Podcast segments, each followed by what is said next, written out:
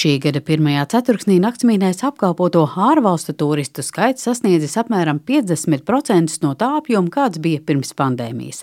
Tā liecina Centrālās statistikas pārvaldes dati. Ar interesi gaidīsim datus, kas būs par aprīļu un maija mēnešiem, un faktiski to otro ceturksni, kad sākās turisma sezona. Latvijā. Latvijas turisma aģentu un operātora asociācijas prezidents Ēriks Lingevērziņš pauž, ka tad būs iespējams novērtēt indikācijas un sniegt prognozes par šo gadu kopumā. Tomēr būtiskas izmaiņas turistu struktūrā viņš nesagaida. Projām augstgalā ir Lietuva, Igaunija, kas mums vēsturiski ir bijuši nozīmīgākie turismu tirgi un tad seko tur Vācija un arī Lielbritānija. Ja skatāmies uz Krievijas turistu skaitu, tad Krievijas turistu skaits faktiski apstājās un samazinājās jau sākot ar 2020. gadu pastāvot ceļošanas ierobežojumiem. Un, ja agrāk mēs skatījāmies uz tādiem 11%, kas bija ārvalstu turistu skaits no Krievijas, tad visdrīzāk nu, pie šī cipara mēs neatgriezīsimies tuvākajā laikā, ņemot vērā visu ģeopolitisko situāciju. Mēs daudz vairāk strādājam uz Vācijas, Lielbritānijas, Polijas, Skandināvijas tirgiem, tur iespējams arī atsevišķiem Dienvidu Eiropas valstu tirgiem. Turklāt šajā vasaras sezonā uz Latviju vairāk brauks individuālie turisti, nevis lielās ceļotāju grupas.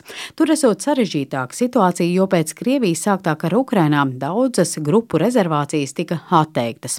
Pozitīva ziņa šai vasarai Rīgā plāno piestāt vairāk nekā 100 kruīza kuģu. Pozitīva izmaiņa, ja salīdzinot ar iepriekšējiem gadiem un faktiski arī ar to pašu 19. gadu, kad mēs nu varam sagaidīt, ka kruīzu kuģi Rīgā piestās biežāk. Lingebērziņš izceļ pozitīvo, sakot, ka kruīza kuģu esamība un turistu skaits pilsētā iedvež zināmu dzīvību un palīdz turisma nozares asins ritei cirkulēt raitāk, bet nepilnībā. Kas ir tie pakalpojumi, ko izmanto kruīzu turisti. Tur ir transporta pakalpojumi, gidu pakalpojumi, atsevišķos gadījumos arī varbūt degustācijas vai muzeju apmeklējumi apmeklējumi. Bet tas, kas iztrūks, protams, ir šī nakšņošana. Lai atkoptos no pandēmijas un turismā sasniegtu 2019. gada līmeni, kas sniedz lielu pienesumu viesnīcu un restorānu nozarei, būs nepieciešami vismaz trīs gadi. Nosacījumi, ka beigsies karš, Ukraina uzvarēs, un pasauli būs uzvarējusi Covid. Šādu prognozi pauž Latvijas viesnīcu un restorānu asociācijas prezidents Jānis Naglis, sakot, ka šovasar nozara sagaida mazākus ienākumus, bet vairāk viesu, kas nakšņo. Tā grupu turisms praktiski ir nu nekāds, un mēs balstamies uz individuāļiem. Paldies Lijai un uh, Rīgas investīciju un turisma aģentūrai par mārketinga aktivitātēm, lai mazinātu bailes rietumu turistam, Skandināvijas turistam, lai viņš uz šejieni brauktu. Tomēr nozarei ir nemazums izaicinājumu. Viens no lielākajiem - nepietiekams darba spēks. Pareizi saplānot darba spēku lai varētu šos individuālos turistus uzņemt, tas ir neprognozējami. Viņi taisa rezervācijas pēdējā mirklī. Nu, ja tas ir nedēļa iepriekš, tad tas jau ir ļoti labs rādītājs. Lielākais izaicinājums kopumā ņemot turismu nozarē, tas ir darba spēks. Jo par šiem uh, diviem gadiem viesmīlības nozara ir pazaudējusi, nu tā, ātri sarēķinot ap desmit tūkstošu darbiniekus.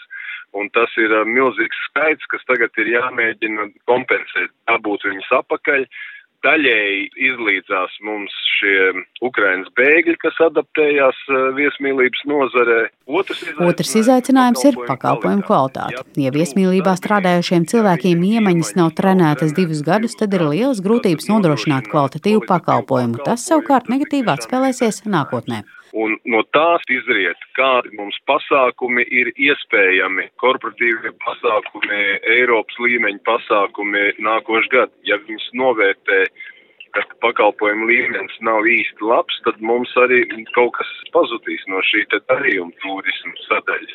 Restorānu biedrības prezidents Jānis Jenzis izteica cerību, ka šī turisma sezona būs labāka nekā iepriekšējā. Pozitīvā cerība, jo faktiski var strādāt bez ierobežojumiem un mūsu nozarē tas ļoti svarīgi. Mīnus varbūt tas, ka nu, tomēr Ukrainas karš eh, sākās laikā, kad cilvēki plānoja īpaši tāds lielāks pasākums, un diezgan daudz atcēlās dēļ eh, šīs kara situācijas. Nu, atgriežas eh, individuāli viesi, kas noteikti apmeklēs ēdināšanas uzņēmums. Arī sāpīgi ir tas, ka Tallinks ļoti maz ko plāno darīt Latvijā, un īpaši tas, kas reizes bija uz Helsinkiem, bija ļoti, ļoti varens, varētu teikt. Pārsteidzoši daudz Somi atbrauca tieši turismu braucienā. Nu, Tomēr jāņem vērā, ka konkurence par Eiropas turistiem Baltijas valstu vidū ir liela. Līdz ar to uzņēmēji novērtē katru nopietnu soli turisma mārketinga virzienā. Linda Zalāne, Latvijas radio.